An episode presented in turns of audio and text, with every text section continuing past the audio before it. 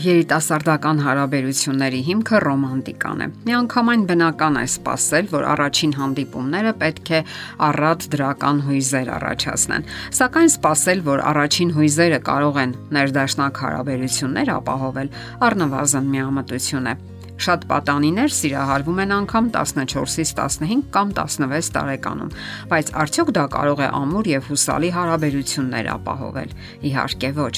Ահա թե ինչու կարևոր է ոչ միայն հուզական լեցունությունը, այլև հետագա գործողությունների ընթացքը, որոնք միայն կարող են պահպանել նորաբողբոջ սերը, պահպանել հույզերի թարմությունն ու գրավչությունը հետագա կենցաղային փոթորիկների եւ ընտանեկան միապաղաղության ու հոգնության մեջ։ Իսկ սա արդեն պահանջում է որոշակի գիտելիքների արկայություն։ Ասենք որ գոյություն ունի մեկ միասնական դեղատոմս, սակայն այստեղ մեզ կոգնի շատ զույգերի փորձը։ Զույգեր, որ անցել են այդ փորձությունների ու փոթորիկների միջով եւ ոչ միայն անվնաս տեղ են հասել, այլև ստեղծել են իրենց ընտանեկան նավակը։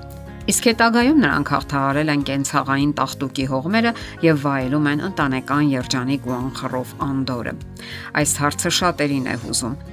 Հնարավոր է արդյոք պահպանել զգացմունքների սրությունն ու փոխադարձ հետաքրքրությունը, ասենք 5 տարի, 10 տարի կամ 15 տարի հետո։ Թե ստիպված ենք հաշտվել այն մտքի հետ, որ սերը անխուսափելիորեն վերածվում է սովորության, որ ռոմանտիկան վերածվում է պարտականությունների, իսկ գիրքը անտարբերության հոգեբույժ Էսթեր Պերելի կարծիքով գաղտնիքն այն է, որ զույգը պետք է կարողանա հավասարակշռել ազատության ու ինքնադրսևորման պահանջմունքները, թե երիտասարդական եւ թե հետագա ամուսնական կյանքում։ Երբ երիտասարդը սիրահարվում է, նրան թվում է, թե ընտրյալը կատարելության տիպար է։ Նա այն կարծիքին է, որ ընտրյալը բնականաբար ամենահամայիչն է, ամենախելացին ու զվարթը։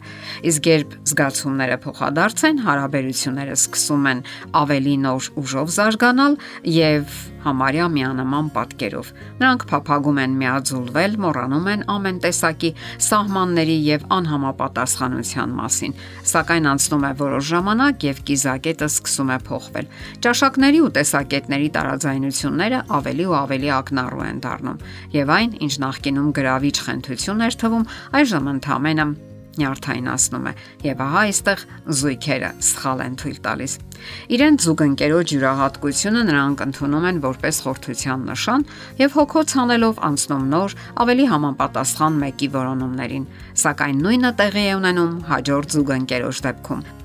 Հոկեբան Մարսել Ցենտները եւ Ժնևյան համալսարանի իր գործընկերները ուսումնասիրել են 500 զույգերի ամուսնական հարաբերությունները, համատեղելիության առանձնահատկությունները եւ այլն։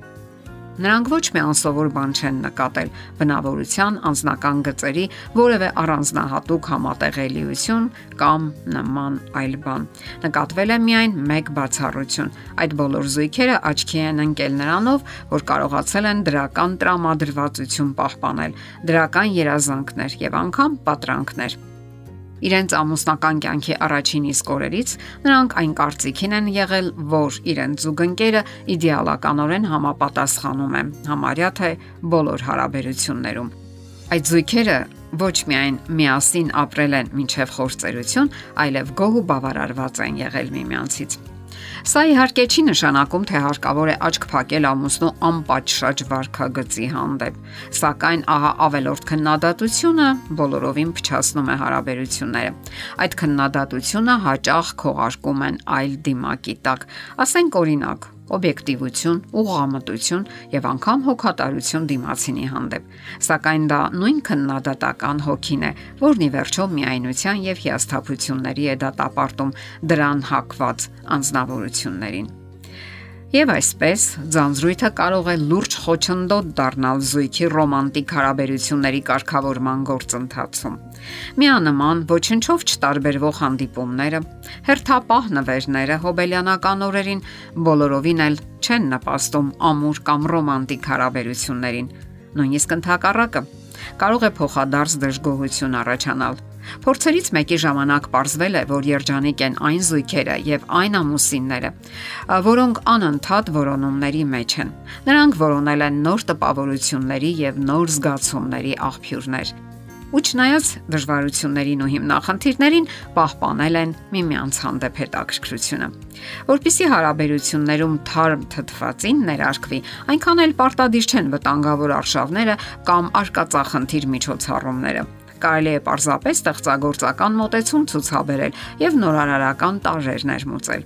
Ասենք միջոցառումների, դասընթացների, հանելուկների եւ այլ անակնկալների խաղեր կազմակերպել։ Կարելի է ոչ թանկ, սակայն անսպասելի նվերներ գնել։ Մտածեք նոր բաների մասին եղեք ստեղծագործ։ Այստեղ եւս լայն դաշտ է բացվում ձեր հարաբերությունների համար։ Եվ ամենակարևորներից մեկը գնահատեք միմյանց ազատությունը։ Պարզվում է, որ սա շատ կարևոր գործոն է ռոմանտիկ հարաբերությունների համար, եւ այն էլ երկկողմանի։ Այստեղ դժգոհ է եւ ճնշողը եւ ճնշվողը դարձյալ բթանում է ռոմանտիկայի զգացողությունը։ Հոգեբույժ Էսթեր Պերելը նշում է, որ երբ մենք ճնշում ենք կողակցին կամ նրա հանդեպ հովանավորչական, այսպես ասած, ծնողական զգացում ունենք, դա բթացնում եւ նվազեցնում է էրոտիկ իմպուլսները։ Ահա թե ինչ են ագրում կրակին թթվածին է հարկավոր, իսկ ցանկություններին տարածք։ Եթե դուք ցանկանում եք սուր զգացումներ, հարգեք ձեր զուգընկերոջ ազատությունը։ Դա ինչ ճիշտ ժամանակն է այդ մասին մտածելու։ Եթերում ճանապար երկուսով հաղորդաշարներ։